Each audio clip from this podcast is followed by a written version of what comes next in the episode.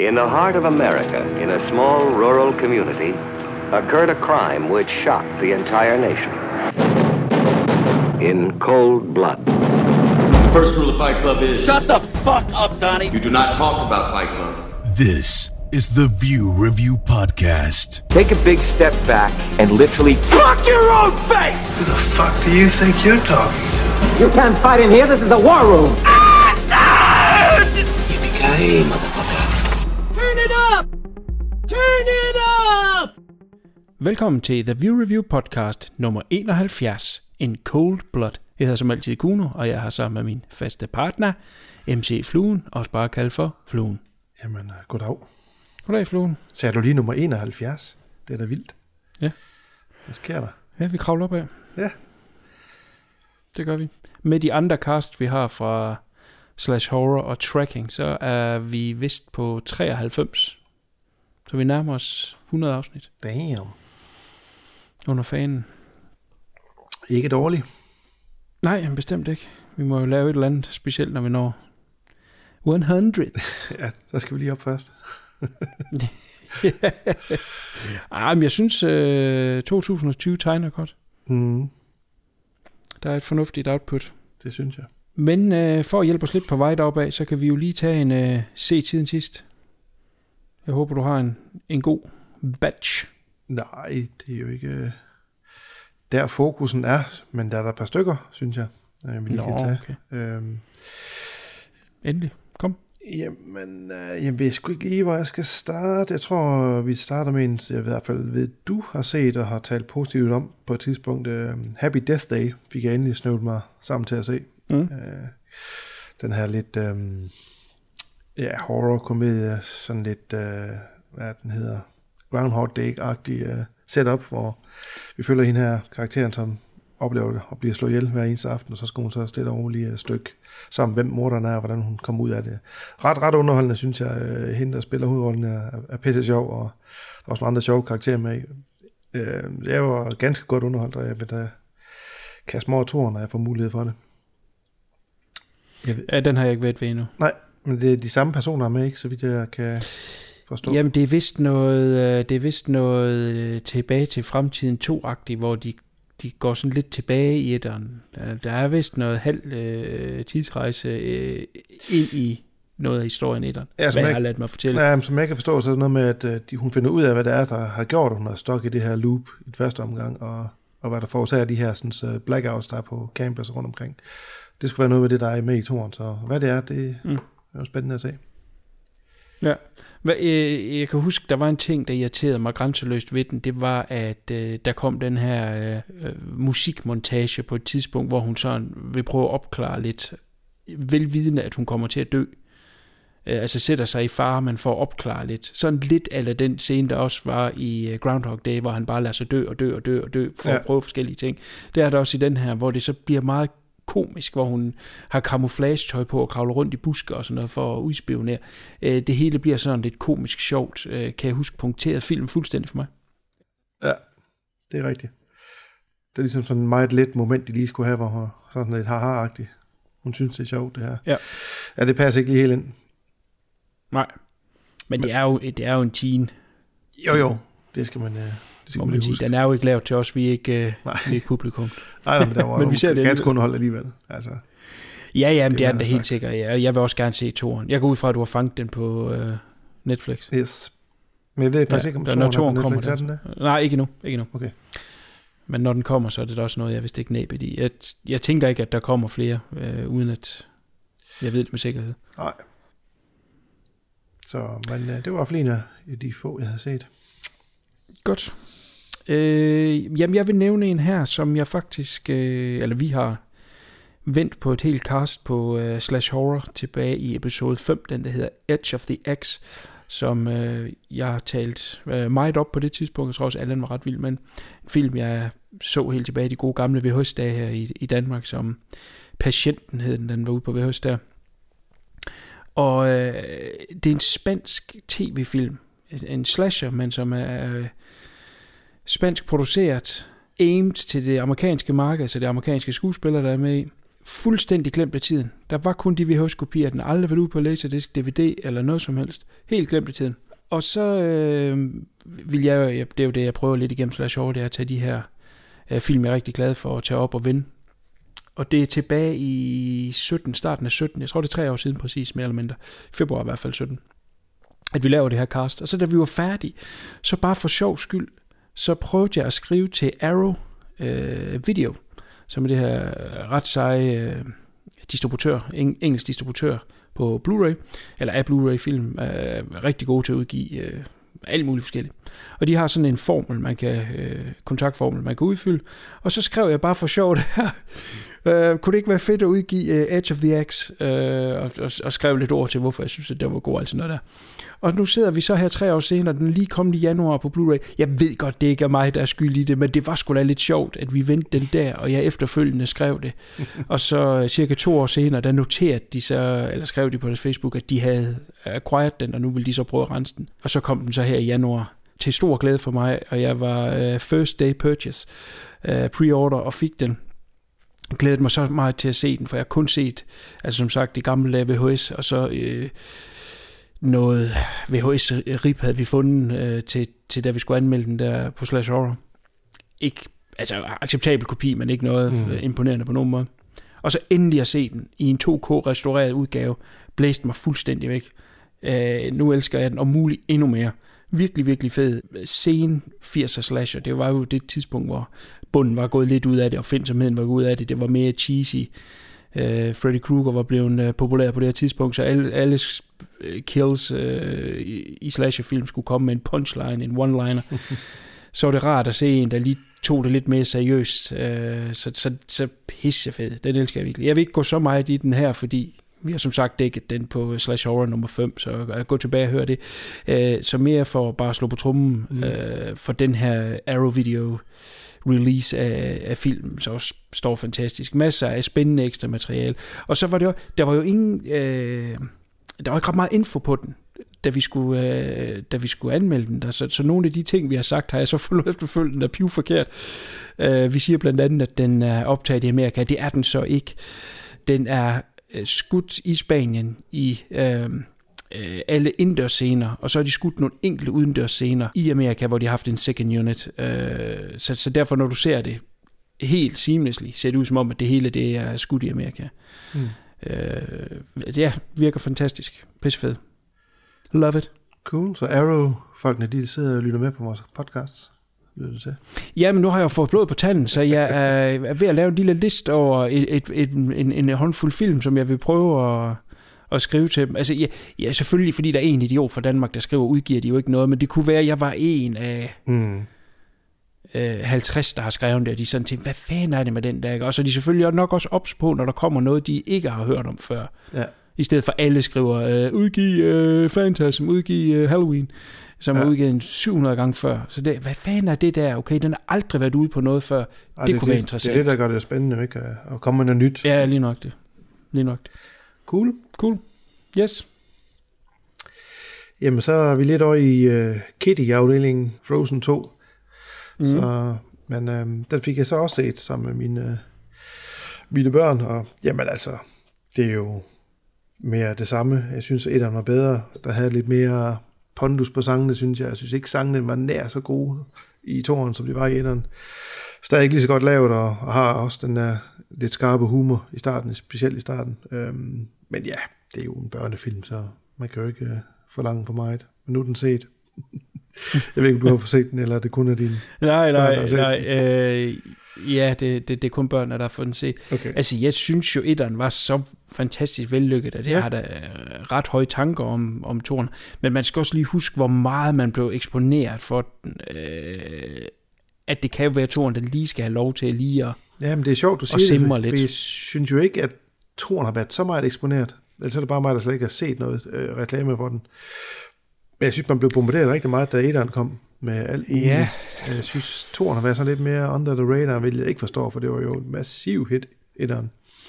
Ja, jamen helt sikkert. Altså jeg vil sige, hvis du går ind i øh, en fætter BR, så, så kan du godt se, at Frost er kommet tilbage. Mm-hmm. Ja. Øh, de, de har den helt store marketingsmaskine frem igen med legetøj. Nu ser jeg heller ikke så meget tv mere, så det kan jo godt være, at jeg har godt glip alle de reklamer, der Ja, bliver nej, nej. Ja, helt sikkert. Det gør jeg heller Så, ikke. men den er ganske Pas. god, men jeg synes nu stadigvæk, at den har Mm. lige en tand mere, øh, ja, en tand bedre sanger og historiemæssigt over sig. Men øh, ikke, at den er dårlig, Okay. okay. det, Jeg synes nu bare, at den, den, står højst. Så men, Ja. ja. anbefalesværdig, hvis man har set etteren. Og så med originaltale vil jeg godt prøve at se den også, fordi øh, de danske der, det er sådan lidt, ah, Ej, jeg synes nu ellers, de, de er gode. jo jo, der er ingen tvivl om det, og. Maria Lucia var jo til Oscar-uddelingen og synge jo. Til Oscar-uddeling. Ja, ja højgravid. Stort, stort. men... Øh, bestemt. Ja. Godt. Fluen, kan du huske, at jeg engang har anmeldt en film, der hed uh, Edge of the Axe? ja. Det kan jeg. som øh, blev udgivet af et øh, selskab i England, der hed Arrow Video. Ja.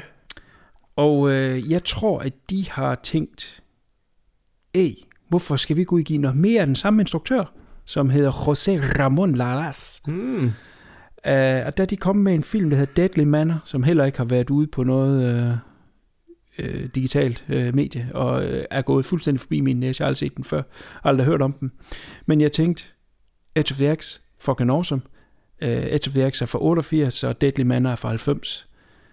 Der må være noget mere i den brønd af awesomeness, uh, der, kan, der kan komme mere over i Deadly Manor. Så jeg fik den uh, købt og bestilt hjem, og uh, sat på, og det skulle være sådan semi-slasher, hvad jeg havde læst mig frem til, sat den på, og uh, gode gud, hvor noget puha. den er, den er overhovedet ikke vellykket. Han har ellers prøvet lidt af de samme ting. Han har øh, amerikanske skuespillere med, og så den her skudt øh, entirely i Amerika. Men ej, hvor er den kedelig. Altså, de har haft så lille en historie. De har prøvet at strække og strække og strække. De har vel reelt set kun haft en halv times historie. Og så øh, er det en teams øh, trækken i langdrag af dialog af skuespillere, der er så pisse elendig. Jeg fandt så ud af på ekstra materiale, at øh, at han har siddet i Spanien og har kommunikeret med en engelsk producent, som har været i Amerika, som har stået for det casting, stået for at finde location, og han kom over til Amerika fire dage før de skulle skyde den, hvor det er første gang, han møder de skuespillere. Første gang, han ser location. Jeg tror mig, at det er bare blevet skudt for hoften af, og så må de bare improvisere lidt den der crap-dialog. Der. Jeg, jeg ved ikke. Hold kæft, den er kedelig. Ganske kort. Man følger en gruppe unge mennesker, som søger ly i et øh, øh, forfalden øh, manner. Altså det, det, det er ikke sådan en stenbygning, det er sådan en træbygning, men det er sådan en ret stor øh, herskabsvilla som er uden skov, som er totalt forfalden. Og der går de ind. På trods af, at det er så stort et hus, så er vi kun i to locations. Og det er øh, et soveværelse, hvor der er en masse billeder på, som sådan skal ligge op til noget drama. Og så nede i en kælder, hvor der er nogle kister. Det er sådan set det. Og så efter noget tid, øh, jeg har lyst til at sige en time, så er, begynder der, øh, de falde øh, om øh, som fluer. Der kommer sådan en kniv ind fra højre, lige hurtigt stikker, ingen effekter, ingen blod.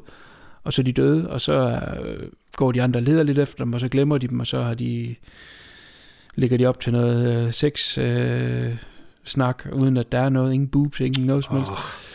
Øh, jo, vent, der er en. Jo, det er fordi, de, de ligger lidt op til, at der er noget spøgelses noget, og der, der kommer vist noget spøgelses drømme sex med en, som, som er nude. Så der er boobs, sorry. Okay. Øh, nu skal jeg ikke straffe den her film mere, end den er. Men, men, men hold kæft, hvor er den kedelig, og uinspirerende, og, og man kan mærke, det bare har været et bestillingsjob. Alt det modsatte af Edge of the Axe, som virker så frisk og fyldt med fortællerglæde, og øh, tiden flyver afsted. Den her, øh, som er sikkert, jeg har ikke skrevet ned, hvor lang den er, 90 minutter sikkert, øh, par 80 minutter, føles som tre timer. Hold kæft, Oh mand. Nå. Jeg var oppe og smøre børnene et mens at den kørte. Så kunne jeg lige kigge over øh, for, for Så køkkenet. du kan ikke glemme noget. Nej. Kæft, Shit. mand. Nå, fra den ene yderligere til den anden. Jeg så, kan godt man forstå, ja lidt, men jeg kan godt forstå, at Arrow selvfølgelig griber øh, chancen for at udgive nogle flere af hans. Jeg er ikke skræmt væk øh, i ekstra materialet. Instruktøren er død i dag, ham her José Mm. Ramon Laras. Øh, men, øh, men producenten, der, øh, den engelske producent, han lever endnu, og siger på det her ekstra materiale, at, at den var ikke så vellykket, og øh, instruktøren var ikke interesseret i at skyde de her dialogscener, men når, når jeg har lyst til at sige 80% af filmen er dialog, så, så bliver det altså lidt, lidt kajtet. Han siger også, at skuespillerne ikke var de bedste. Det var nogen, han mere eller mindre bare fik øh, øh, tilbudt, og så sagde han ja. Så øh, de ved godt selv, at den ikke er så vellykket. Mm. Jeg vil, jeg vil ikke lade den være et recommend. Men øh, nu har jeg set. Ja, ja, det tæller jo også. Jamen igen, det tæller altså. Ja, men så var vi øh, ude i noget helt andet end øh, Frozen og Happy Death Day. Vi var ude i noget, der hedder Knives Out. Øh, sådan en uh. lidt øh, whodunit, øh, god gammeldags whodunit øh, krimi-ting med, med et hav af sindssygt gode skuespillere. Og det er faktisk Ryan Johnson, der har instrueret den, så der var sådan lidt uh, skeptisk, Ja, ja, men uh, jeg var sat på godt underholdt. Altså virkelig underholdt. Den, er, den kører bare på i højt gear, og de her ekscentriske skuespillere, altså personer med, det er jo både Daniel Craig og Chris Evans, altså med, med Jamie Lee Curtis og Michael Shannon, mm. Don Johnson, Tony Collette, Christopher Plummer, altså det er de helt store, der er bare smidt i uh, værksager. Den er virkelig godt skruet sammen. Man sidder virkelig og gætter. Altså, de laver nogle enkelte fejl undervejs. Blandt andet er der en karakter, der har et mellemnavn, som sådan, man sidder og tænker, hvorfor hedder han det? Som helt klart peger ind på, at han har noget med det at gøre. Jeg vil selvfølgelig ikke sige, hvad det er, hvis man ikke har set det. Mm. Det irriterer mig en lille smule, fordi de kunne godt have holdt det lidt bedre skjult. Men altså, ja. Daniel Craig, der er jo helt sindssygt øh, fantastisk sjov og, og ekscentrisk også selv. Øh, han skal opklare det her mor hoved, øh, hoved, hvad hedder sådan en matriark, hvad kalder man det på dansk?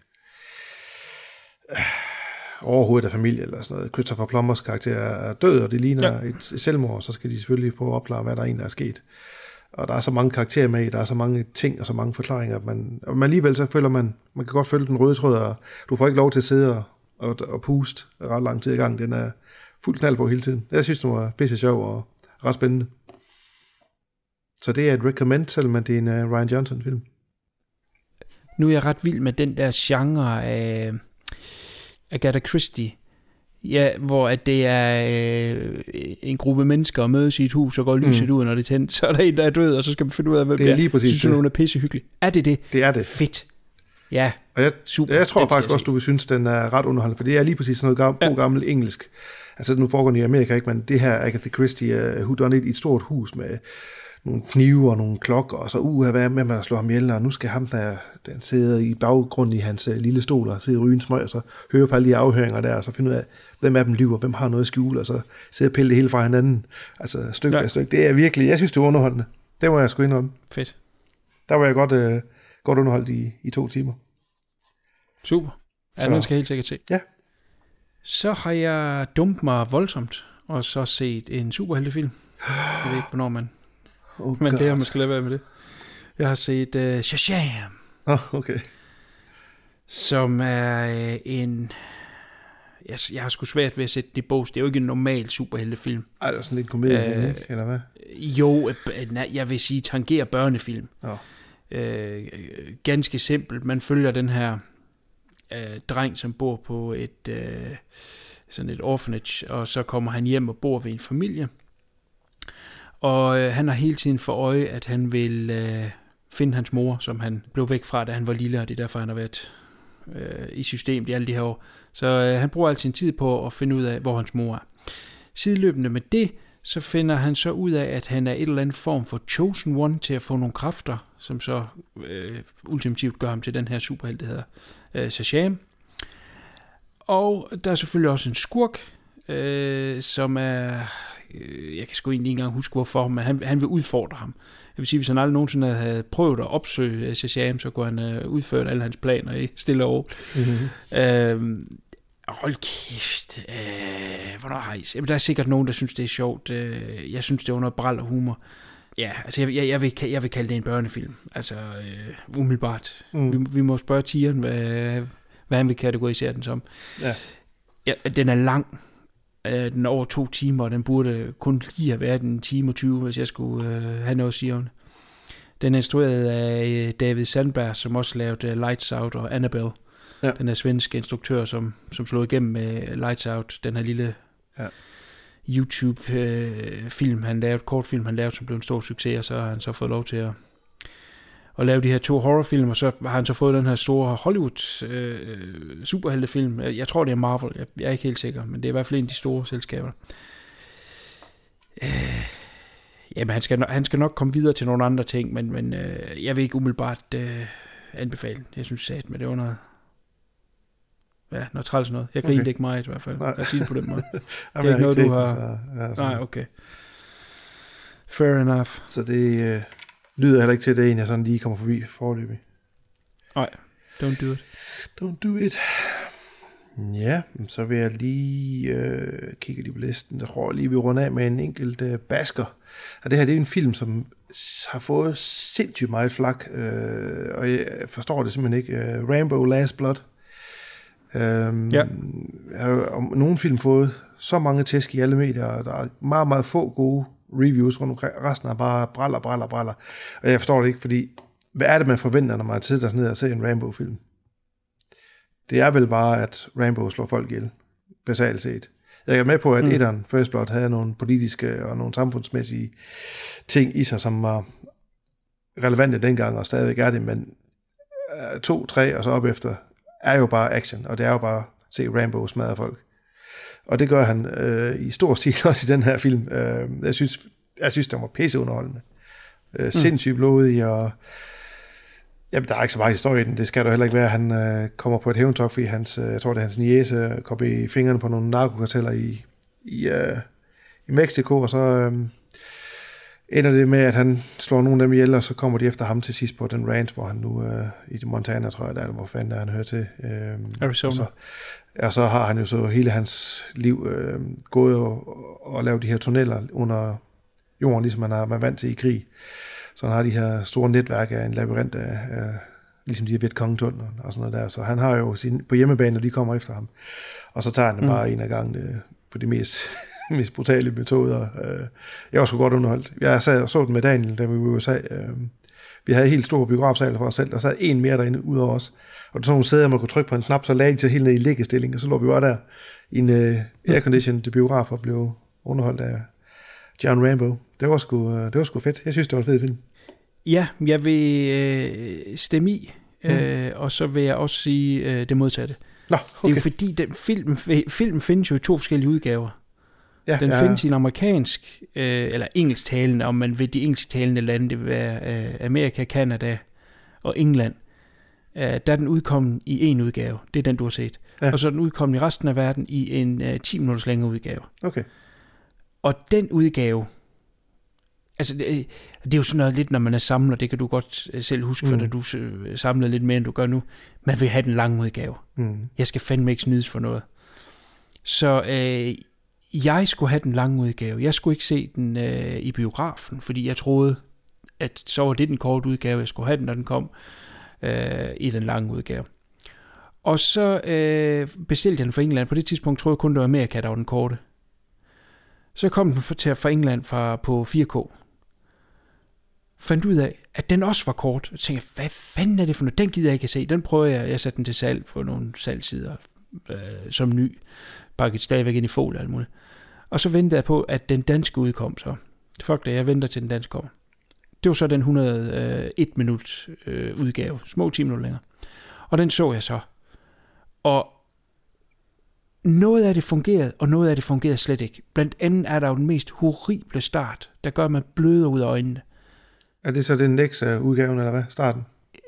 Ja, en lidt længere udgave. Den starter med et voldsomt uvejr. Storm og blæst og tsunami, jeg ved kraftigt ikke hvad. Det regner helt vanvittigt og starter et eller andet form for flodbølge. Der er nogle hiker op på et bjerg, og så er der øh, politi og redning for at redde de her mennesker. Og så øh, hyrer de så den her lokale øh, tracker guide. Det er så øh, Rambo, som rider op af bjerget på sin hest øh, i det her vejr for at redde de her. Og øh, to af dem, de dør, og øh, en redder han så. Jeg tror, det er for at ligge sig op af det, han har sagt i de tidligere film, det her med, han kan ikke, hvorfor kan jeg ikke redde alle? Mm. Øh, det er jo sådan lidt hans øh, livsforbandelse. Mm. Øh, men den er smidt ind med en skov. Den er pissegrimt klippet, og øh, den ligger ligesom op til det her store dandan, hvor de bliver indhyldt fuldstændig i vand. Og så kommer øh, skiltet så ind, hvor der står Rambo Last Blood. Øh, men, men du er overhovedet ikke spændt. Du sidder bare og tænker, hvad fanden er det her? Det er kastet ind med en skovl. Okay, det var ikke med i den version, jeg så, nej. Nej, nej, det, nej, nej det, øh, det er jeg godt klar over. Ja. Øh, Hvis, hvis de skulle have lavet den start, det var det første, der slog mig, fordi det, det første skud, du ser, det er træerne op fra, så kommer der en helikopter. Hvorfor prøvede de ikke at lave det som om, at det var Nam? Ja. Man tænkte, oh, er vi tilbage i junglen? Er vi tilbage? Hvad sker der? Det prøver de slet ikke på. De er smidt ind med en skov. Det er dårligt lavet. Det er dårligt klippet. Så næste dag, efter der har været det her kæmpe regnvejr, kæmpe flodbølge, Så klipper den tilbage, hvor man er på hans ranch, hvor at der ikke er noget som helst, der er oversvømmet. Han rider rundt på hans hest ude på en ridebane, som er knastør. Ja. Jamen, altså, det er helt galt. Øh, han har noget dialog med hans husholderske her, som er af øh, spansk, eller hvad hedder det, mexikansk afstamning, øh, hvor de snakker omkring det her, "Ej, det var, jeg kunne ikke redde dem, og du gjorde det bedste, du kunne. At det er så tacky, så elendigt. Så starten er helt vild. Der er du totalt bombet out over, ej, er det her virkelig, hvad det skal være? Og så længere ind, der bliver man introduceret for de her skurke, som ender med at, at tage hende af næsen i noget human Mm. trafficking. En rigtig skød scene, hvor det er noget med, at de skal til at udvide deres forretning til Amerika, og øh, øh, det skal de åbenbart have en samarbejdspartner til. Og øh, så begynder de her to brødre, som er hovedskurken i film, de begynder at stå og skændes i en total kikset scene. Ikke? Altså igen bare, hvad, hvem har skrevet det her? Helt horribelt. Og så da jeg har set den færdig, der var jeg sådan lidt, ja, men der er jo nogle ting, der er fedt, og noget til virker ikke rigtigt. Fuck it, jeg prøver at pakke den kort op, jeg prøver at se den. Det er så den, du også har set. Mm. Og den klipper hele starten fra. Den starter bare efter, om man vil dagen efter, ikke? og der hvor alt er øh, tørt Ja, ja, og, det hele. De nævner ikke noget med det regnvejr overhovedet. Man følger egentlig bare ham og så øh, Niesen Ja. helt hen til, at vi at han møder de her to brødre. Vi, bliver, vi klipper ikke ned og ser dem inden. Lige pludselig så flyder den ja. meget bedre. Ja. Og så kom jeg op på den øh, høje kling. Altså, det er jo ikke noget mesterværk. Langt fra, Nej, men nej, nej. som du siger, den er super underholdende. Den er nemlig super underholdende. Ja, helt sikkert, og, og jeg synes altså også, øh, altså jeg synes jo, han klarer det godt, han er 73 år, Ja. ikke? Altså, du, du tvivler ikke på, at han kan noget af alt det, han gør i filmen. Altså, der er ikke noget, hvor du tænker, ah, altså det, det virker, han er også øh, stakånden til sidst, og sveder og hårdt ud til alle sider, ikke? Altså, øh, han har brugt det energi, han havde i sig. Jeg, jeg synes jo, de er slået dem rigtig godt fra det. Jeg forstår heller ikke den kritik. Nej. Jeg vil umiddelbart sige, folk ude for, fordi, øh, ja, engelsktalende lande, dem der har set den lange udgave, jeg kan måske godt forstå, at de er lidt negative, fordi den virker simpelthen bare kluntet, når man kommer i, kommer i gang med så dårlig en start der. Ja. Øh, se den korte udgave, den flyder meget, meget, meget bedre. Øh, ja, konge. Min, øh, jeg, jeg postede det i en Facebook-gruppe, at min øh, lettere kontroversielle rangering er som følger. First Blood, John Rambo, Last Blood, First Blood Part 2 og Rainbow 3. Ja, det lyder meget fornuftigt. Og det er vel at mærke, hvis man snakker den korte udgave. Hvis det er en lang udgave, så bytter øh, First Blood Part 2 og den ud øh, plads. Så, så jeg vil sige, at den kommer ind i min øh, humble opinion som nummer 3 ud af 5. Ja, jamen, det er da heller ikke helt ordentligt. Nej, nej, bestemt ikke. Jeg vil, jeg vil øh, gerne anbefale den. Det er den samme mand, som har instrueret Get the Gringo. Ja, så det her det er jo et rigtig godt eksempel på, at de lange versioner ikke altid er, er det, man skal se. Jamen, helt sikkert. Og det er jo sjovt. Jeg håber på et tidspunkt, der kommer frem, hvorfor... Øh, altså, har det været meningen, at det skulle være med? Hvis det har været det, så kan det næsten ikke være i den udformning, det er nu, fordi som sagt, det ligner, det er smidt på med en skovl. Hvorfor har man valgt at klippe det på til den øh, internationale udgave? Det var frem allerede inden den fik premiere i Amerika, at ja. den ville komme i en længere udgave. Jeg synes, det er pudsigt. Øh, der, der må ligesom være en historie bag det. Ja. Nu sagde du det der med, at den ikke var så politisk. Jamen, det er den måske heller ikke lige sådan på overfladen. Men man kan jo godt læse nogle ting i det omkring, øh, øh, og det er også med flere gange i filmen, det her berømte hegn, som, som Trump vil have op mod Mexico. Ja, men altså muren, ja. Plus at Mexica, Me- Mexico og mexikaner bliver jo fremstillet som nogle af de mest horrible og frygtelige Ja, ja, mennesker, Ja, og et Mexico er et frygteligt land at være i. Ja. Jeg ved ikke helt, om han går øh, Trumps ærne her. Øh, måske lidt ærgerligt. Det, det, det, den giver måske lidt en, en, en dårlig smag i munden, den øh, politiske del af det. Men, Jamen, har han selv været med til, han har da ikke skrevet den, eller noget som instrueret, han Jo. ikke bare... nej, han har skrevet den. Har han Han det? skrev, det er jo faktisk en pussy historie, fordi det var faktisk meningen, at det skulle have været firen. Okay. Så det er et gammelt manuskript, som så blev øh, skrottet til fordel for den her Burma-historie, som den ja. så Ja. endte med at være i John Rambo. Og så har den ligget der samlet støv, den øh, firen slutter med, at han kommer tilbage til gården her. Mm. Og så har han åbenbart gået og tænkt, jamen hvad, hvad sker der så inde på gården? Hvad sker der? Hvad er næste ting? Og det er så, oh, jeg har det her manuskript, lad os få støvet det af og, og se, hvad det kan. Jamen, uh, de går i hvert fald til med kronerne. altså, Ingen tvivl. om det. hold da kæft. Nå, No doubt about it. Der er nogle enkelte ting uh, i, i slutscenen, hvor han har alle de her fælder, uh, hvor han dukker op ved siden af hver eneste. ja. Et sekund efter, de er gået i fælden, hvor man tænker, kunne man have filmet en jo- enkelt eller to sekvenser, hvor man lige ser, at han løber i gangene, så Ja. at vi ligesom har transporten mellem en fælde til næste, vi kan se, at han er kommet derhen. Det er jo ligesom Jason. Altså, det er jo ikke noget. Ja, der er lidt Jason Ja. ja. over det. Cool. Godt, men vi skal faktisk ikke så langt, fordi at... Øh, øh, nu skal vi se, om der er et navn her. Du kender Cosmatos, Ja, George P. George P. Cosmatos, ikke? ja, som lavede Tombstone. First Blood Part 2 der. Ja, Ja. han har en søn, som, har, øh, som også er blevet instruktør, og hans anden film hedder Mandy. Jeg er lidt, øh, kom lidt sent til øh, fadet, det ved jeg godt, den har været ude længe, og Mm. blevet hyldet af mange, og alle siger, at man skulle se den, men det var først, da den kom på Netflix, jeg fik den set. Øh, med Nicolas Cage på øh, hævntogt, efter at hans øh, kone blev dræbt af sådan nogle Jesus-fanatikere. Ja, Jesus Freaks. super fed film. Og, og det vidste mm. jeg også godt, fordi jeg havde set øh, øh, Panos Cosmatos, som han hedder, s- øh, første film, som hedder et eller andet med Black Rainbow. Hvad fanden er den hedder? Nå, det kan jeg sgu ikke lige huske nu. Men, men den, den var også ekstrem arthouse-agtig, meget stilistisk, øh, pisse fedt musik og alt sådan noget, så jeg havde på fornemmelsen, at det her det var en forlængelse af det, hvilket det helt sikkert også var, og jeg var super underholdt. Det er jo en lille bitte historie, altså det er simpelthen de her Jesus freaks, som kommer hjem til deres hus.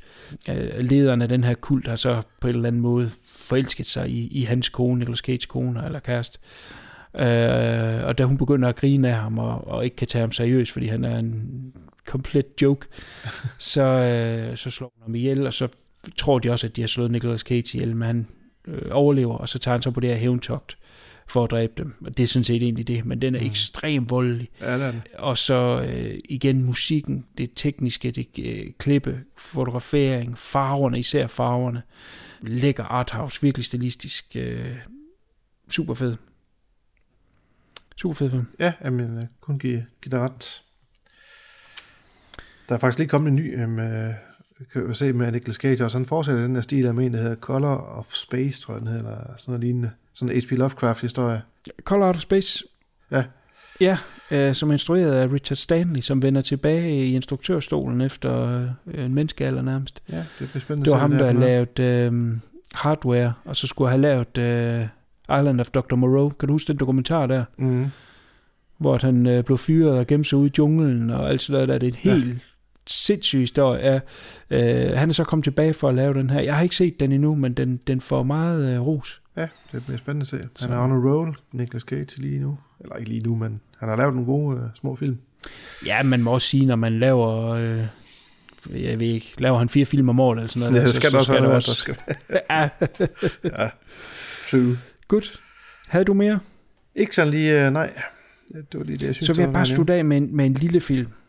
Uh, nu st- sluttede vi ellers lige på et hej med Mandy, men den her vil jeg f- faktisk også øh, lige lave et lille recommend på. Uh, det er en lille bitte film, jeg så på uh, 2B, som hedder Big Nothing. Uh, jeg har aldrig hørt om den før, den er fra 2006. Det er en engelsk film, men har David Swimmer og Simon Pegg i hovedrollen, Mm. som er sådan en uh, virkelig uh, skæv crime thriller, øh, Øh, hvor alting hele tiden går galt. Øh, David Swimmer er øh, blevet arbejdsløs, øh, blevet fyret fra sådan en callcenter, hvor han, hvor han møder Simon Peck. Øh, Simon Peck har så gang i en masse øh, ja, kriminelt, som han prøver at, at, at, sælge som værende. Det er simpelthen så nemt. Det er ikke noget problem lige at gøre det her. Og da han så finder ud af, at David Swimmer er blevet fyret, så går han så til ham og siger, prøv her, der er ikke noget, jeg kan skaffe dig en masse penge, hvis du lige hjælper mig med det her. Og det er sådan nogle små ting, sådan noget som, du skal lige ringe en op og sige det her. Og så bagefter skal han gøre noget mere og gøre noget mere. Så lige pludselig så står de altså med øh, flere lige rundt om sig. Det hele det tager hele tiden om sig. Så den er komedieagtig, men den er også samtidig dyster. Især slutningen er ekstremt dyster. Den er fandme underholdende. Jeg kan ikke helt forstå, hvorfor den ikke har gjort et større væsen. Altså, det er måske fordi, den er britisk. Det, det, det er jeg klar over. Mm. Men øh, vanvittigt underholdende lille film, som, som både er spændende og... Man kan ikke forudsige, hvad den slutter med, lad mig sige det på den måde. Og så øh, øh, spændende også. God humor. Cool. Big Nothing. Big Nothing. Ja. Yes, er på Tubi TV. Ja, det, det har du nævnt før, det der Tube TV. Nævnt før. Yes. Det næste Slash Horror episode er en Tubi TV guide. så uh, to, to, How to. to be continued. Tutorial. Ja, ja. Ej, men den kommer her i midt marts. Der kommer der episode der. Jeg, jeg arbejder på det. Er, en, det er en stor opgave, når der er så mange ting, man gerne vil snakke om. ja. Cool. Godt. Jamen, spørgsmålet er, om vi skal øh, strække lemmerne lidt til øh, en soundbit fra aftens film, som er In Cold Blood. In the heart of America, in a small rural community, occurred a crime which shocked the entire nation. In cold blood. An appalling and apparently senseless crime. Two apparently heartless young criminals. What is the reality behind the appearance? Kansas City. The film company moves here because it was from this bus terminal that the real Perry Smith made a crucial telephone call. The real Dick Hickok stopped at this gas station on the way to the fateful meeting with his partner. In this store, the killers bought the rope and tape with which they bound and gagged their victims. Robert Blake plays Perry Smith. Scott Wilson plays Richard Hickok. The crime depicted in In Cold Blood took place inside this house. It is reenacted inside this house so that the motion picture itself becomes a terrifyingly true story of our generation. A generation both repelled and attracted by violence.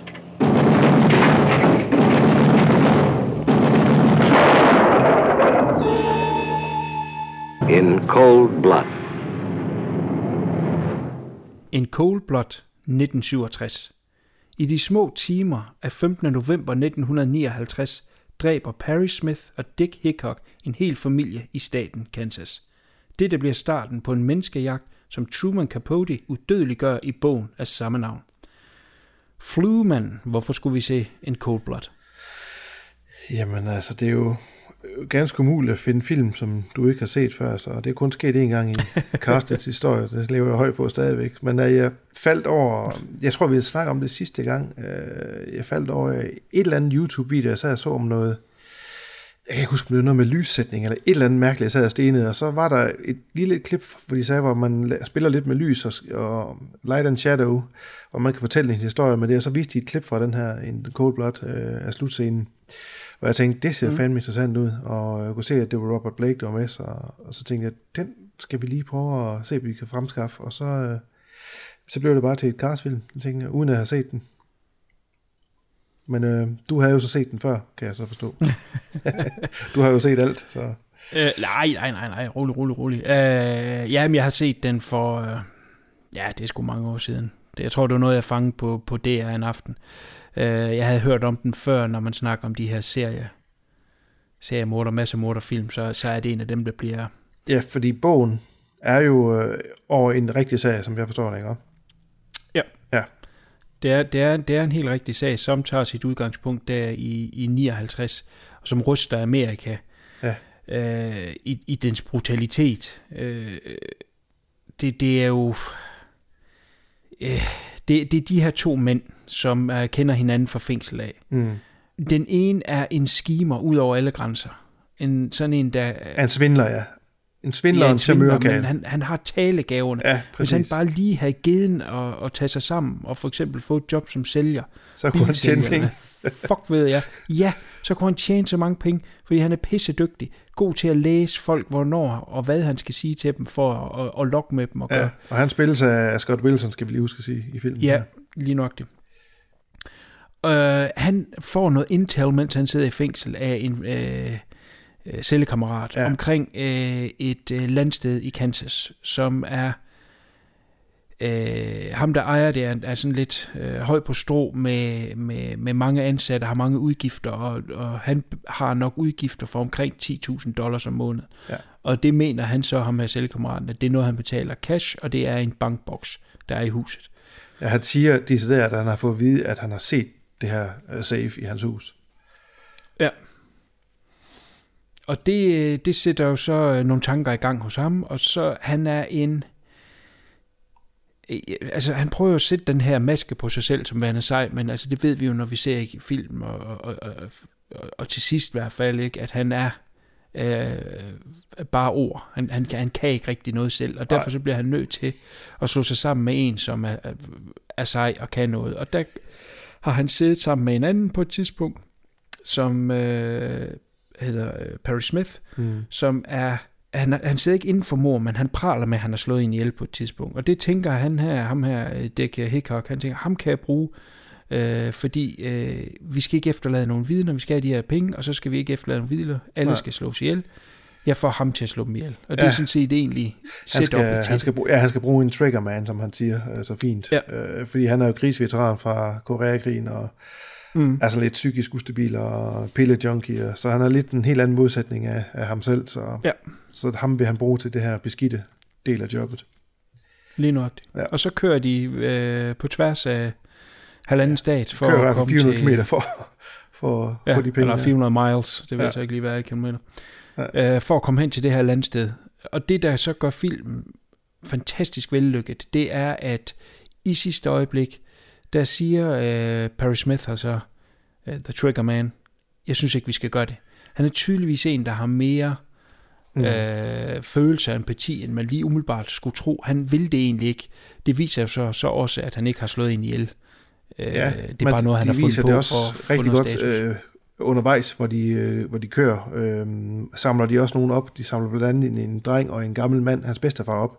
Og der, der viser han nemlig også, at han har empati, og han vil jo gerne have drengen med, og er glad for at drengen med. De samler flasker på vej i vejkanten for at få Mm. råd til benzin. Ikke? De har jo ingen penge. Øh, og der viser han sådan en hel side af sig selv. Altså, man, han har empati, og han kan godt finde ud af at være et, et, et, et, et godt menneske. Ja.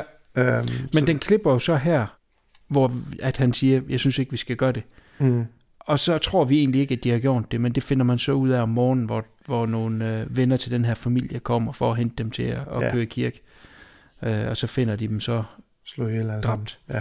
Og det er jo så det, der starter den her historie, som bliver dækket af alle medier, og bliver en øh, kæmpe historie i hele Amerika. Og der Mm. sidder så en mand øh, i New York, der hedder Truman Capote, som er, øh, han dækker sådan crime øh, øh, stoffet, og han øh, kommer egentlig på den her sag, og ud af det, øh, om mange år, hvor de her, de bliver, øh, ja, for, det, der er jo den her kæmpe menneskejagt, de ender jo så med at blive fanget. Det skal, vi skal nok komme mere tilbage til lige om lidt. Ja. Men de ender jo med at blive fanget og, og bliver dømt og kommer til at sidde på dødsgang. Og han følger dem i al den her tid.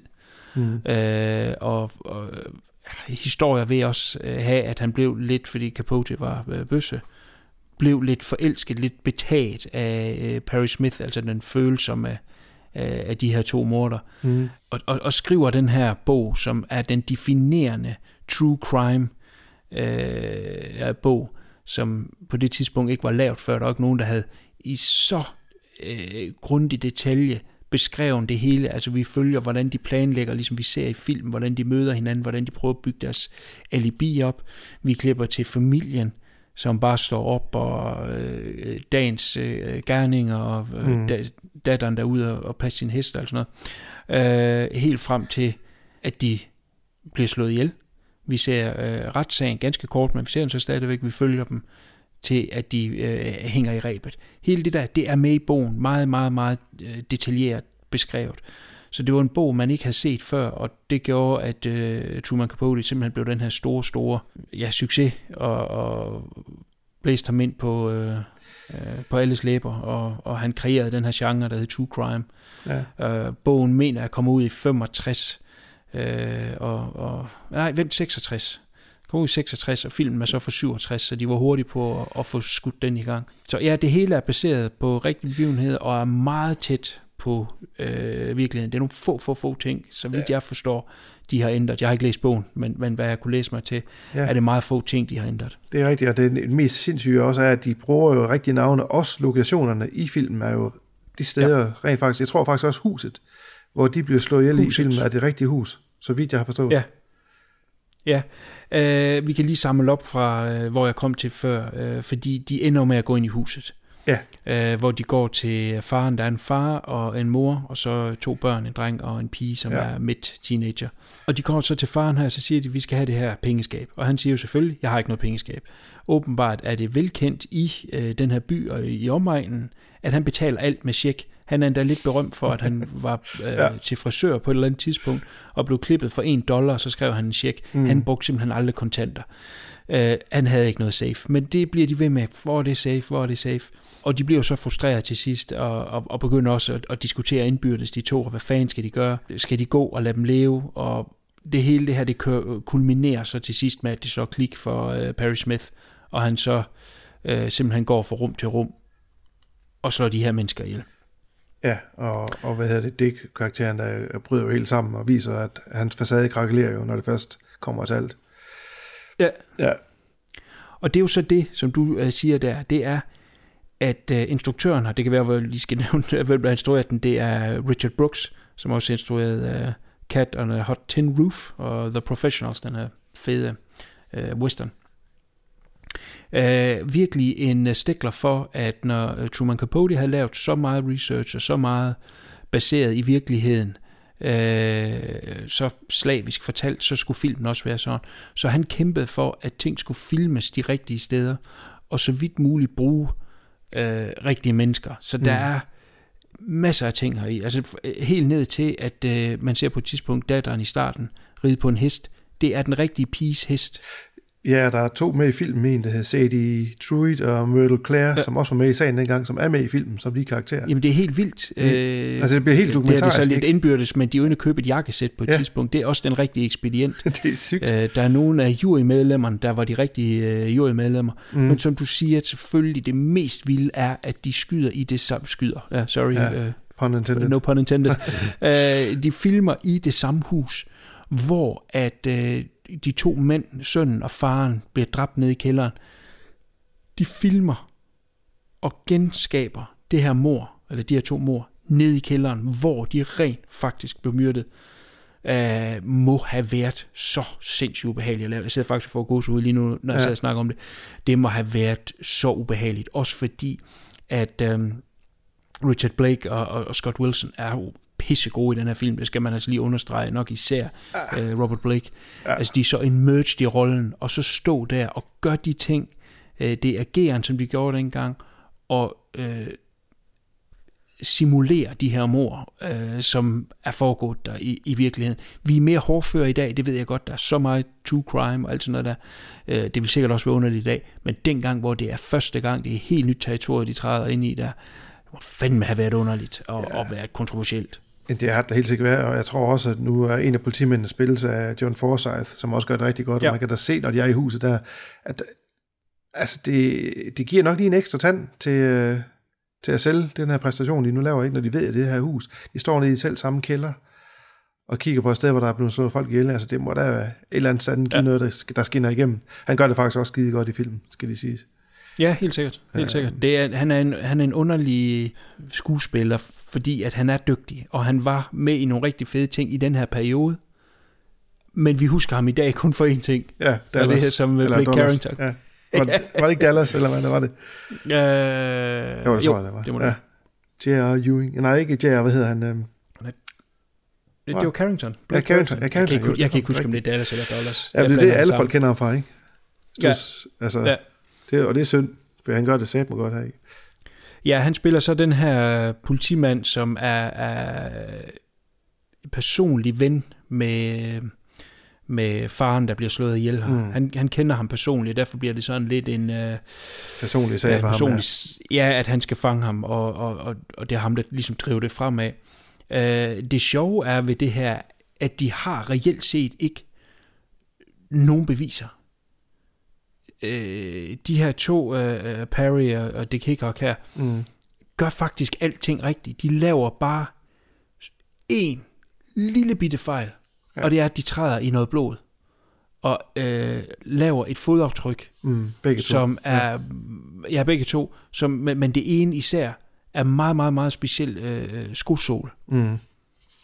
Og øh, rent tilfælde, det kan vi komme tilbage til senere, så finder politiet den her skosål, og det er egentlig den eneste, de rent reelt set kan boste dem på. Øh, det er tilfældighedernes spil, det hele. Ja, det er også tilfældigt, at, at de rent faktisk øh, får mistanken på sig, fordi det ender jo med, at de laver den her sådan, øh, dusør, som bliver sendt i både radio og tv, og der er ham der Floyd, som er hans øh, fængselscelle kammerat, som har tippet ham om de her penge, hører faktisk det her, og så ved jeg nu med det samme, okay, det handler om Cutter familien, så ved jeg nu godt, hvad der står på færd, og det er jo så der, det hele begynder at rulle. Ja, og det er jo det, der er så åndssvagt, fordi øh, Dick Hickok, som jo er et selvglad øh, Starut jo ikke er sikker på, at han har set alle vinkler og siger, at vi har ikke efterladt nogen vidner, at det ikke på et tidspunkt slår ham, at jeg har fået alle oplysningerne fra en anden mand, som kan bruge det til at, at, at få hans straf nedsat, eller hvad ja, fanden det nu kan være. Ikke? Jamen enig. Det, det, det tænker jeg slet ikke på. Men det går jo igen i film, altså de er jo meget skødesløse. Altså den måde, de bliver fanget ja, ja. på os, ikke? Altså køre rundt i en stjålen bil på åben gade i Las Vegas. Altså, de, de, ja, men de, de ender jo faktisk med at klare sig ret godt. De ja. kommer fra morstedet med øh, par 40 dollars. Det er jo ikke ret meget. Nej øh, fordi de troede, de skulle have 10.000 dollars. Ja. Men alligevel øh, via noget øh, checksvindel. Igen, fordi han er så pisse dygtig til mm. at snyde sig til alt, og hvordan han kan lyve. Øh, og som sagt, at de er inde og købe nogle jakkesæt på et tidspunkt med, med øh, en check. Og øh, ekspedienten, der er den rigtige ekspedient, som øh, de også købte jakkesæt af dengang i virkeligheden. Så, så jeg tænker, at det er meget... Øh, tæt på virkeligheden, når, når, når den rigtige mand også er der. Mm. Øh, så de får svindlet sig til nogle penge nok til, at de kan komme til Mexico. De er slå dem afsted med det. The ja. perfect crime. Selv hvis, øh, eller når den her cellekammerat her øh, navngiver dem, så er de jo stadigvæk i Mexico. Ja. Han vil jo kunne bruge hans evner dernede også sikkert, ikke? Eller i hvert fald øh, kunne de nok overleve. Men han har en eller anden idé om, at han skal tilbage med det samme. Ja. Og han vil ikke kun tilbage til Amerika, han vil tilbage til den samme fucking stat. Det er jo helt ude af hampen. Det er nok det sikreste sted at gemme sig.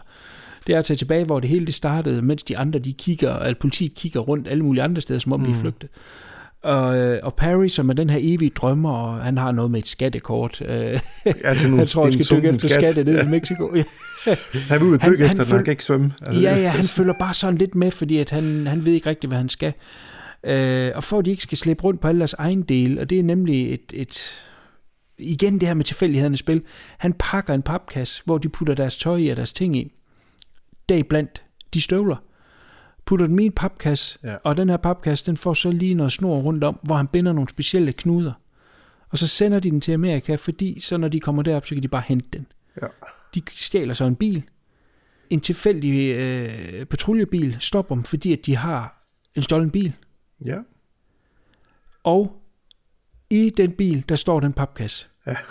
Havde de, som de lige har hentet på postkontoret, havde, de, havde den her politimand anholdt dem 10 minutter før, så havde de ikke hentet den papkasse, og, og så, havde de, de ikke dømt. fundet Nej. deres morder. Nej. Fordi i papkassen, der finder de jo de sko. Ja, som matcher aftrykkene. Ja. Lige nøjagtigt. Og så den her specielle knude, som er bundet rundt om med den her snor her, er den samme knude, som er blevet brugt af de her mennesker, er blevet bundet op. Ja. Det er faktisk det, der fælder Det er tilfældighedernes fucking spil. Uh, det er helt vanvittigt, som gør, at, at de bliver fanget. Uh, vanvittig historie. Og så kommer de jo så, uh, så er der jo den her retssag. Den fylder heldigvis ikke ret meget i film. Jeg ved ikke, hvor meget den fylder i bogen strukturen af filmen er lidt sjov, fordi at, at i starten, der følger vi både de to her og familien, og så op til, at vi tror, de, eller har en idé om, at de har droppet det øh, om aftenen, der, hvor de skal til at gå ind og slå dem ihjel, siger, ah, jeg synes ikke, vi skal gøre det, og så klip så det næste dag. Så finder vi så ud af, via det her vennepar, som finder Line, okay, de har gjort det, men vi har ikke set det. Nej, så begynder efterforskningen. Ja, men så hvad er nu det her, ikke? Og nu er vi, nu er vi en ny del af filmen, ikke? Og hvad, hvad, hvad skal vi nu? Så er de på flugt. Øh, man kan jo godt sidde sådan lidt, det er måske med, med moderne øjne i dag, det ved jeg ikke, men man føler sig måske lidt snydt for, at man ikke må se de mor der. Hvad skete der egentlig inde i huset? Ja. Men det cirkler man så tilbage til, og så ser man det, og så er det jo øh, af den tid, brutalt og, og, og, og skide godt lavet. Ikke? Altså, den er jo vanvittigt flot fotograferet, alt det der. Det skal vi nok ja, komme tilbage til. Det er den. Øh, så, så, så, så er du op på et hej igen, ikke? og hold da kæft, mand. Så bliver de fanget, og så kommer øh, det her retssag, og der må jeg indrømme, øh, så sidder man og tænker, åh nej, ikke en lang retssag, øh, der er stadigvæk en halv time tilbage i filmen, eller sådan noget andet, ikke? det kan ikke, ikke, ikke en JFK-lang øh, retssag, ligesom nej, nej, nej, nej, nej. Og det viser sig egentlig kun at være ganske kort, der er den her... Øh, monolog. Øh, anklagers tale.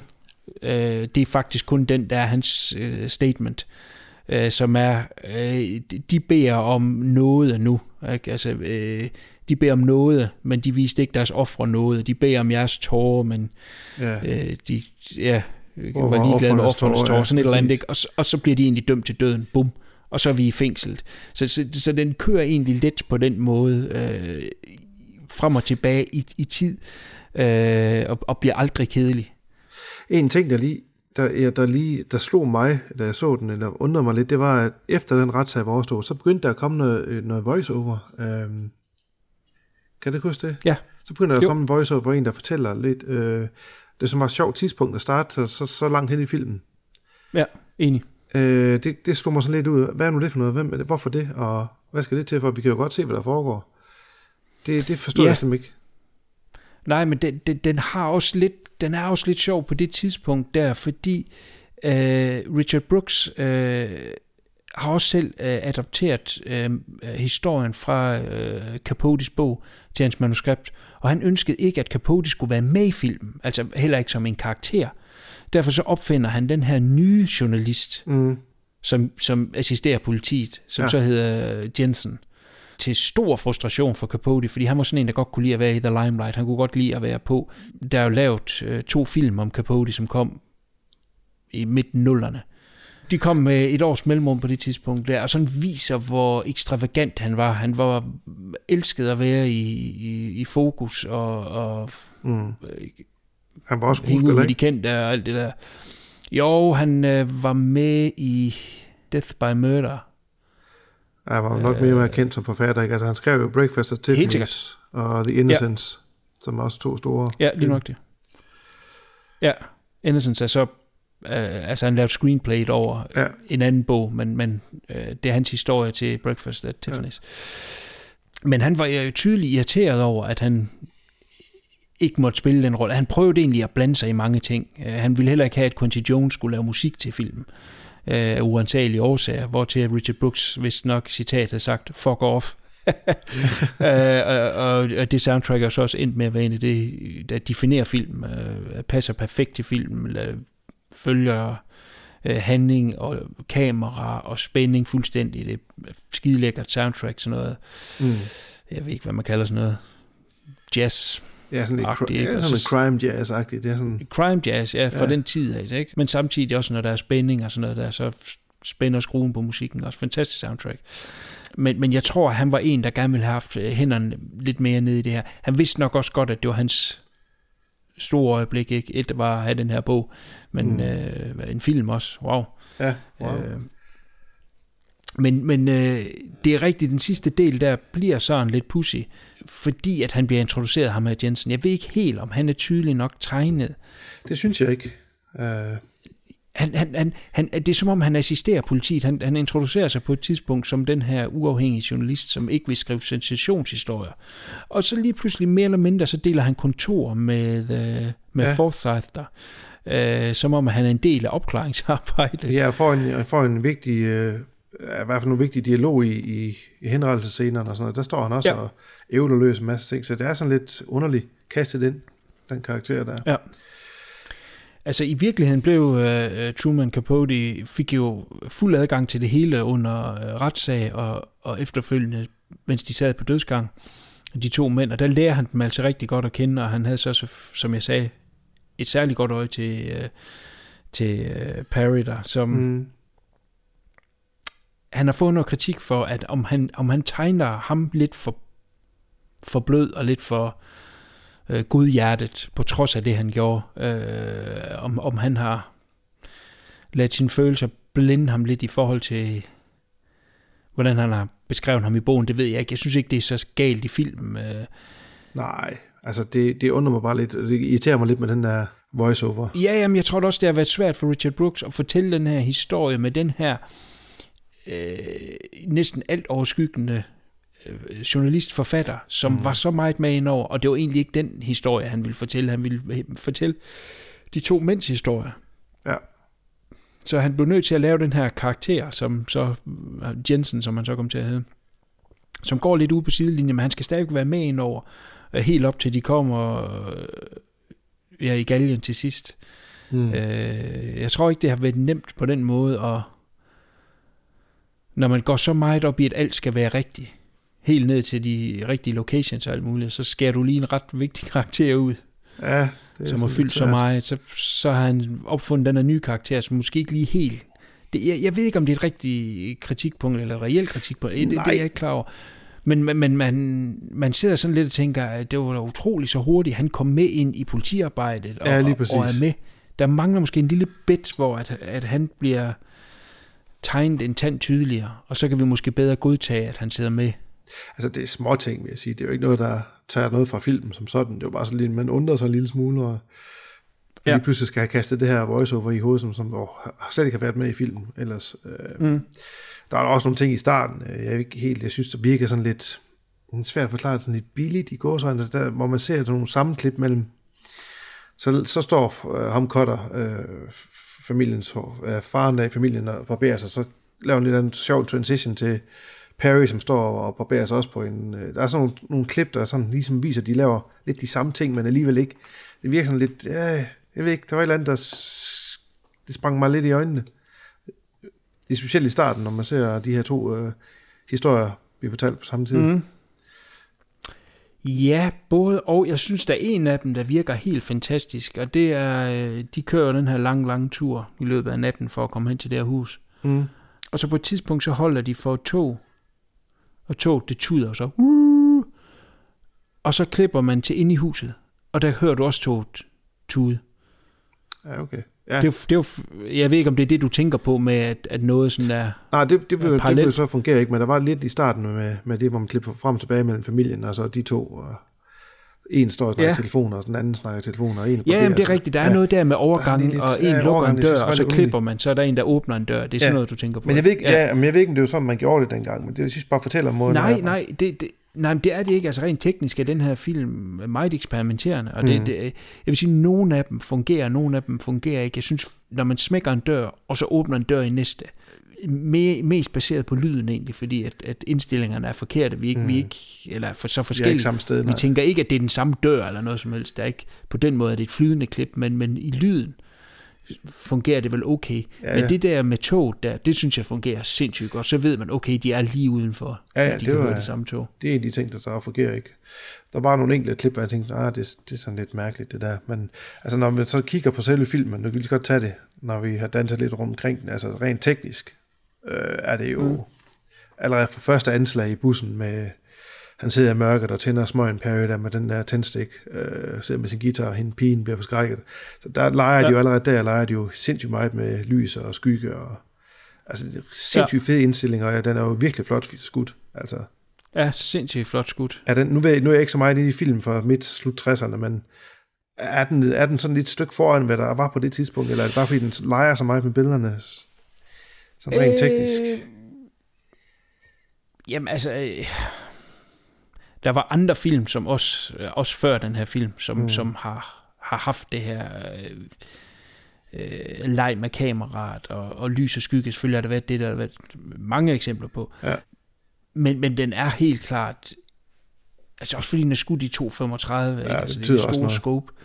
Ja, helt sikkert, ikke? Og øh, øh, virkelig lækkert skudt, især selvfølgelig i aftenscenerne, hvor man kan lege mere med skyggen, hvor man Mm. kan sige, at dagscenerne er måske mere normale, mere flade. Øh, den er skudt af en mand, der hedder Conrad Hall, Ja. som øh, vandt en Oscar faktisk, efter han var død. Øh, hans sidste film, han skød, var Road to Perdition, som han, som han vandt en Oscar for. Mm. Også skudt øh, Butch, Cassidy and the Sundance Kid.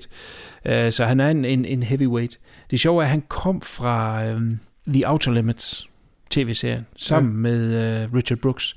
Okay. Jeg tror, det er her, de øh, har lært hinanden at kende, og har lært øh, at skyde på en bestemt måde, lidt mere lejende med kamera. Det, det, det er måske der, den skiller sig lidt ud, fordi man kunne nogle flere ting i, i, i tv, end man kunne tillade sig i film. Øh, det er jo nok lidt mere en legeplads, øh, og, og det, har de, det har de skulle taget med over, det er jeg ret sikker på.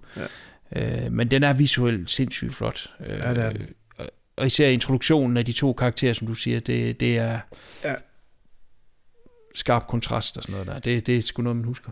Ja, jamen, altså, jeg synes, at de gør det jo sindssygt godt, især Robert Blake der. Jeg må indrømme, jeg har sagt mig ikke... øh, Nu har jeg set, at han har jo haft en rimelig lang karriere. Altså, han er, jeg tror, han har Ja. krediteret for over 150 øh, ting på IMDb. Og jeg kan nævne Mhm. mm. den her jeg har virkelig, virkelig tænkt, og så uh, Lost Highway. Jeg tror, det er de to eneste film, jeg kan sætte fingre på og sige, der har jeg set ham. Så jeg har virkelig ikke set ret meget med, med den mand, og det, det er sgu ja. ærgerligt, fordi han, uh, han er faktisk rigtig dygtig. Ja. Ja, han lavede en anden, uh, hvor at han slår hele sin familie ihjel. Uh, også noget true crime shit. Og det er ikke kun hans kone. John List, John List eller sådan noget hedder den, tror jeg. Ja, den kender jeg The. John List Story eller sådan noget. Du, jeg ved ikke, om du kan huske det i midt-90'erne, der kommer alle de der The Story eller et eller andet Mhm. mm. navn og så The Story. Der, John List Story eller sådan noget, tror jeg den hedder. Okay. Men ellers var han jo meget kendt for den her tv-serie, der hed Beretta. Ja. Hvor han spillede politimanden. Men han er en, en sjov karakter, og hans sidste film er så Lost Highway Mm. fra 96. 96, så, er han, 96, ja. så- ja, så har han ikke lavet noget uh, siden. Men det sjove var jo, at han selv blev anklaget for ja, mor. I, i 2001. øh, en fucked up historie, hvor han er ude at spise med hans kone på en restaurant, og så går de ud til bilen, og så kommer han i tanke om, Ej, jeg har glemt min pistol inde på restauranten. What? Som man jo gør. Ja, det gør man jo tit i USA. Så går han tilbage for at hente hans pistol, og da han kommer ud til bilen, der er øh, konen så dræbt. Øh, han bliver så anholdt og anklaget. Øh, den pistol, han var inde og hente, er ikke den, hun er blevet skudt med. Nej. Øh, og der er meget frem og tilbage der, det lugter jo langt væk. Han ender med at blive frikendt, øh, frikendt ja. men han er sådan frikendt i gåsøjne, ligesom OJ var frikendt. Ikke? Ja. Altså, vi alle sammen godt ved, at han har gjort. Han har hyret en legemorder. Jamen, han, brug, han blev jo nærmest ruineret, ligesom uh, OJ, fordi han Ja. brugte hans penge på en god uh, advokat, ikke? Mm. Og han, han, han, hans problem var jo også, at han i alt offentlighed øh, ikke lagde fingre med, men han havde hans kone. Altså, Mm. så derfor var det jo, han jo, det jo oplagt, og han har jo ikke arbejdet siden, vel? Og han lever jo trods alt Nej. stadig den dag i dag. Ja. Ah, men, ja, men nu er han så også tusind gammel. Ja, han er gammel. Men Og, ja, det var en, øh, øh, det var en fucked up historie, det der Ja, lille tidsspring. ja, helt sikkert. Scott Wilson har jo også haft en uh, meget fin karriere. Jeg har faktisk Mm. altid været rigtig glad for ham. Hvornår var det, han Især for- Var det sidste år? Eller to år siden eller sådan noget. Et år, to år siden. Ja. Arbejdede meget med um, William Peter Blatty, øh, som skrev, øh, er mest kendt for at skrive Exorcisten, men lavede jo selv et par film. Øh, den der hedder The Ninth Configuration, hvor Scott Wilson spiller øh, øh delt øh, hovedrolle sammen med Stacy Keach. Det er fantastisk film. Og øh, der spiller han skide godt i. Og så har han en lille bit, men meget memorable i Exorcisten 3, som, som Blatty også instruerede, hvor han spiller den her øh, læge på det hospital. Eller psykolog, tror jeg, han er. Han har været med i noget Walking Dead, hvor han vist også har gjort sig ret populær. Har jeg hørt. Men nu ser jeg jo ikke det briller. Ja, han var med i øh, i et par sæsoner i uh, Walking Dead, øh, mm. som den her gamle farmer, som de kommer ind til på sådan en farm. Øh, så ja, så der var han også med i. Kortvarigt, inden han fik hugget hovedet af. Ja. Han havde også øh, en ret fed rolle i øh, Way of the Gun. Kan du huske den? Uh, ikke sådan helt... Der, øh, det, der, der er han den her gangster boss eller et eller andet. Det er ham, der vil have babyen. Hvor han, fordi Scott Wilson har et eller andet, øh, han virker venlig, selv når han er et dumt svin, ikke? Der er et eller andet venligt over ham. Og, øh, og i Way of the Gun, der har han, øh, han går i jakkesæt og taler pænt og alt sådan noget, der er meget sindig og sådan noget der. Men man kan bare mærke under overfladen den her øh, ondskab, der er i ham. Jeg spiller han fandme også godt, ikke? Ja. Så, så det var nogle gode folk, de fik ind for øh, tidligt i deres øh, karriere. Ja, for satan. Det må man sige. Men det var nok også en film, man ikke kunne lave med kendte skuespillere. Der var et eller andet med, at de havde prøvet at få nogle navne skuespillere ind. Jeg kan ikke huske lige nu, men jeg synes, at det er noget med... Paul Newman var en af navnene, der blev nævnt. Ja. Øh, jeg, man har sgu lidt svært ved lige at se Paul Newman i det. Altså, ja, det, jo, det kan man jo altid sige, ikke? Og så Jo. kunne det være, at det har også været en fantastisk film. Øh, men så havde han måske ikke haft den karriere, øh, som han så endte med at få, ikke? Altså, der, der er nok noget i, at den her film var meget våget i måden, den blev konstrueret på. Mm. Øh, de rigtige øh, locations, og så er der også noget med sproget heri. De snakker ret grimt af, at det er en øh, film fra den tid af. Ja, det blev jeg godt mærke i. Han siger, han siger pussy på et tidspunkt. Og, altså, Ja, det, det, det, det, det var vist ikke noget, man lige gjorde. Nej. Og fuckfinger og... Ja.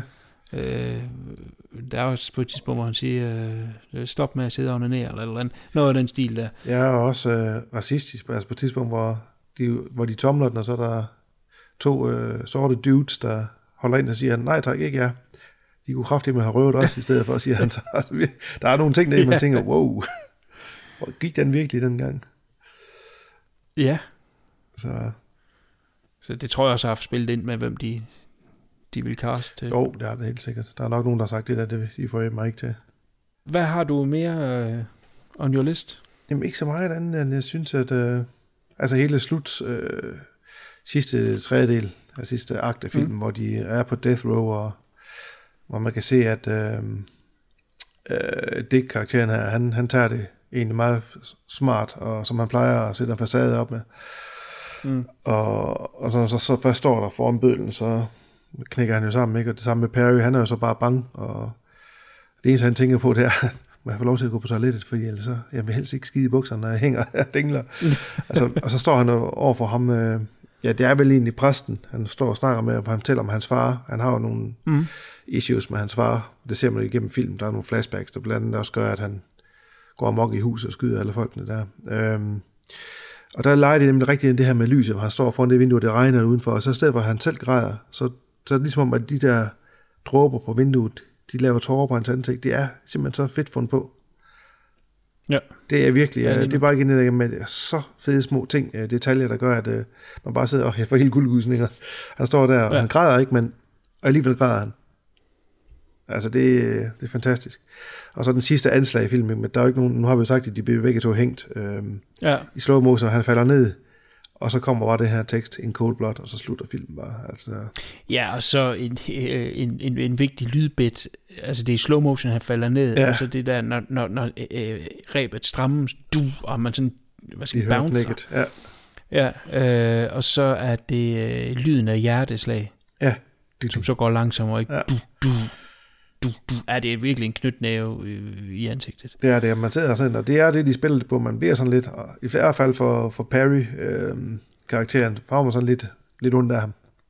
Ja. Men det er også det, filmen gør så godt. Den gør sådan noget med nogle ting, den har også noget på hjertet, ikke? Altså noget som social arv.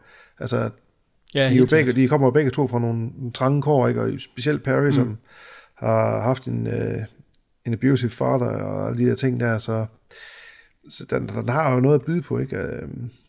At Ja. systemet også kan finde på at, at dræbe i, i en cold blood, ikke? Altså en eye for en eye og tooth for a tooth, som man siger. Er det okay, Jo. når, når, når staten dræber? Ikke? Øhm, Ja, det øh, Capote var jo ude efter øh, henrettelsen og være øh, altså øh, udtalt modstander af dødsstraf mm. i. Amerika. Hvilket også er lidt kontroversielt at sige, fordi at han jo egentlig står op for de her øh, to morder, ikke? Hvor han så åbenbart havde et godt øje til en af dem. Ja. En, en fed ting, der er nu, vi glemte at snakke om før lige herinde, øhm, deres, øh, hvor de kommer på Death Row. Altså de her to forhør, de bliver forhørt hver for sig. Øhm, Ja. Hvor man så bare tænker, hvor han så, øh, øh, Dick-karakteren her smider Perry under bussen, tror man ikke. Og det var ham, der gjorde det. Det var ham, der skød dem alle sammen, og bryder sammen og besvimer og tænker, er kæft, han er en god skuespiller. Og det så, så rent faktisk viser sig, når man så ser hans side i historien, at det var ham, der gjorde det hele. Altså, der, der kommer der lige et twist, man ikke lige har set. Ja. Øh, ret fedt. Man tænker bare, at nu snakker han ikke inden for en syg moster, nu prøver han bare at redde sin egen røv. Men det var Mm. faktisk sådan, det fanger, de hang sammen. Så jeg synes, øh, Ja. jeg har ikke så meget mere omkring selve filmen. Jeg synes bare, det er det var en helt suveræn øh, oplevelse. Og jeg er glad for, at vi øh, tog den her på castet. Ja, helt sikkert. Bestemt. Det er, øh, det er en klassiker, som øh, har stået tidens tand. Jeg vil også sige, at den på øh, nærmest alle parametre ikke er blevet dateret. Det synes jeg heller Fordi ikke. den har så flot visuel stil, og det er, det er true crime, som øh, vi jo nærmest bliver bombarderet med nu om dagen. Det var her, det startede. Det var den første bog, den første film. Øh, og, og det er ligesom The Mold, de alle sammen er kommet fra ja, det er, ja, så det er bare det, det fakt, at den er sådan helt øh, dokumentarisk, ikke i det henseende, at, at det er de rigtige nøjagtigt. folk, ikke, og det er de rigtige steder, og det er så, Ja. ja. det er så sygeligt, at jeg fandt ud af det. Det var sådan, what, er det samme hus, de er Ja. ja. i? Jamen, altså, Jamen, det er jo nærmest sådan noget Michael Mann-agtig Ja. ja. obsession om at, at, at ramme det hele rigtigt, eller Herzog, ikke? ja, Øh, det hele, det skulle være det rigtige, ellers kunne det bare ikke lade sig gøre. De har så også været heldige, og det har måske også noget med tiden at gøre, at man får lov til det. Jeg tror ikke helt, man kan i dag øh, på Nej. samme måde. måske ikke. For den adgang, som han har haft helt til, øh, altså politiarbejder, til de sidder inde på dødsgang, og kunne følge det hele efterfølgende en film, hvor de får lov til at være på alle de locations. Jeg har svært Ja. ved at se, at, øh, at man kunne få det i dag. Det. Men, men den har et moderne look, som man sagtens kan godkende, eller hvad er det, øh, tage med i dag. Øh, Jeg føler ikke, at den er uddateret. Der er noget omkring politiarbejdet, der selvfølgelig er lidt... Jo, jo. Altså for eksempel, at de står og ryger hele tiden. Altså, Ja. det er jo kæft, for de ryger i den her film, ikke? Går Ja. ind på location og skal kigge efter spor, og så står der øh, fire politimænd og, og ryger. ryger og. Asger, ja. Ja, ask over det hele og træder overalt. Ikke? Altså, det- er selvfølgelig en ting, som... Men i- måske gjorde man det sådan dengang. Det, det ved jeg ikke. Jeg tvivler på, at de alle sammen skulle stå og ryge, øh, mens der stadig ligger lige på øh, gulv og alt sådan noget der. Øh, det er måske lidt et trope, men, men, men derudover så... Øh, Nej, hvis man ser den her film og ikke ved, hvornår den er fra, så tror jeg ikke, man som første gæt vil sige, at den er fra 60'erne. Altså, Ja. Der er vel sgu nok nogen, der vil sige, måske 70'erne, ikke? Midt 70'erne eller sådan noget. Altså, der er jo nogle ting, nogle ting biler og tøj og sådan noget. Jo, jo. Men mange andre ting Mm. øh, er forud for jo, men den tid. foregår jo i 59, altså det, det, det vil Ja. jo ikke ændre den, uanset Nej, hvornår nej. den er filmet. Præcis. Men altså, den, Øh. er, den er flot. Ja, det er den virkelig. Det er en flot film. Ja. Og den vi har ikke fungeret i farver. Den, den, den er sort-hvid. Det er, Ja. det er der, den uh, har sin plads. Helt sikkert. Men alligevel så kommer der jo en uh, mini-tv-serie i 1996. Jeg har ikke set den, så jeg skal ikke kunne udtale mig om, den fungerer eller ej. Hvor de to roller er spillet af Anthony Edwards og Eric Roberts. Nå. Uh, Eric Roberts var jo selv i et biluheld, der smadrede hans ansigt fuldstændig. Han lå i koma og skulle lære alt forfra igen. Det er der ikke ret mange, der, der egentlig hæfter sig ved i dag. De tænker bare mere, at han er med i en masse crap-film.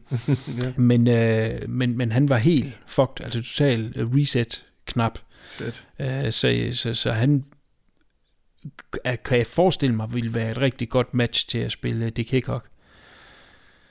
Øh, og så politimanden er spillet af Sam Neill. Jeg har ikke set den. Kunne være en interessant kig. Ja, bare lige for at se og holde op imod, hvordan håndterer de det. Ja. Bestemt. Cool. Cool. Ja, jeg tror ikke, jeg har så meget mere. Øh, Nej, men det er også øh, en film, øh, der skal ses. Vi er jo kommet med lidt spoiler undervejs, men igen, det er jo, når det er noget, der er true crime, altså der er ikke noget, der kan ja. komme bag på nogen. Nej. Det, der, der er ikke en twist-slutning, hvor de alle sammen overlever og, nej, og flyver væk det bare var en drøm. helikopter. Ja. Ja, ja vågner op, og det hele er en drøm. Det er der jo ikke noget af. Den, den, den er, som den er, Ja. øh, ud fra historien af. Det, det er det menneskelige og det visuelle. Ja, helt Og- sikkert.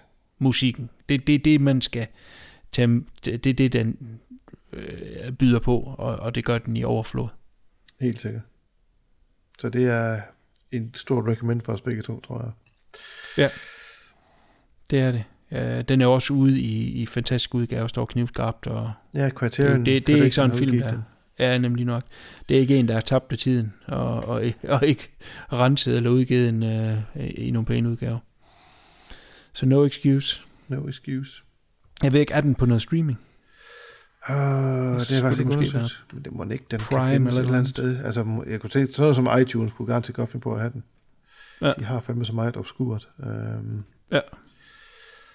så Read. ja, man prøver at google det, og se om den uh, skulle være et sted. Ellers så anskaffe Ja. den på Blu-ray eller DVDs, eller VHS, hvis man er old school. Bestemt. Godt. Jamen, øh, så siger vi tak til en Cold Blood. Det gør vi, ja. Næste gang, jeg har virkelig tænkt, så det knager fluen. Oh shit. Øh, ja, fordi hvad fanden skulle vi have? Det, jeg synes, vi skal over i et andet spor. Noget, hvor vi ikke har været, i hvert fald ikke været længe. Spændende. Jeg tænker, vi skal lidt over i lidt sleaze. Porn, næsten. Jeg tænker, vi måske skal om på den anden side af jorden til Japan. Uh, ja, det, det. Nu bliver det tænker, spændende. måske vi skal strejfe Mika. Åh, oh, Gud. Og jeg tænker, om vi skal se Visitor Q. Åh, oh, ja. det er en klassiker. der er der om Ja, det noget vil- sleaze. Det vil jo vise sig. Ja. Ja, vi træder øh, ind i Japans øh, absolute øh, obskur ende af skalaen. Øh, ja, den er jo så stor snart med, med obskur film. Der findes nok nogen, der er meget værre end den her. Ja, men Mika har jo en kant, Ja, som man ingen tvivl. skal opleve. Det er næste casts film, der er lidt at se frem til. Spændende. Til da, der vil jeg faktisk lige slå på trum for noget, øh, jeg ikke har gjort i mands minde, og det er øh, vores Facebook-side. Jeg har prøvet at øh, søsætte et nyt lille projekt derinde, der hedder Retro, View Review Podcast Retro, hvor at øh, jeg egentlig bare, ja, det lyder grimt, jeg siger det på den her måde, reposter gamle episoder, men øh, det er for nye folk, der, der, der finder os. Måske lytter man bare automatisk altid til det nyeste, det ved jeg ikke, om man gør. Men øh, hvor jeg lige øh, tager nogle af de gamle episoder op og siger, prøv lige at tjekke det her. Det første, jeg smed op, var vores øh, Shock Treatment musical episode. Mm. Og øh, hvis det er nogle af de gode gamle episoder, så tænker jeg, at de kommer ind under det der retro der. Øh, som sagt, nærmer vi os 100 episoder, så der må være nogle gode, gode Ja. gamle imellem. Ja, jeg tror, du har ret i folk, de har en tendens til at lige tage det nyeste og sige, hvad er det her for noget lige Ja. ja. Så det er nok en meget god idé. Så øh, kom nu ind på den øh, Facebook-side. Det, det har stået lidt øh, stille derinde med likes i, i nyere tid. Øh, jo flere der kommer ind, så skal jeg nok også poste mere shit derinde. Men altså alle trailers og til, til kommende film på Slash Horror og Tracking og øh, vores hovedkaster, de kommer derinde. Plus lidt, lidt retros og lidt... Mm. Der, der dukker lidt op øh, derinde. Så øh, no excuse, kom derind, giv det et like, så følg med. Så får Ja. man det direkte ind på sin øh, feed, når der kommer noget. I har alle sammen Facebook, du Kom nu bare i gang. Ja, I det vil er dårlig undskyld. I vil jo gerne. Ja. Lidt mindre, lidt mindre kattevideoer på YouTube, og så kom ind på Facebook i stedet for. Ja. Det kan være, at vi skal lave nogle kattevideoer. kan være, det er det, der lokker folk ind. Jeg har to katte, så kan vi lave noget med dem. Nå, sejt. Jamen, jeg tager en rulle kaffetape med. Yes, og når sender, så kører vi. Så kører det kaffetape. Godt. Fluen, Ja. øh, på gensyn næste gang til Visitor Q, kan du sige øh, pænt farvel? Pænt farvel. Pænt farvel.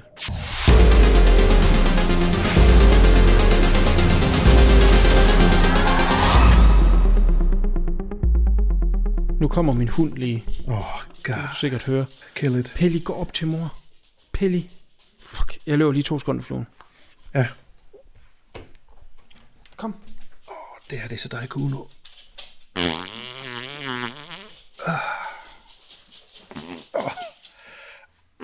Oh, oh, shit.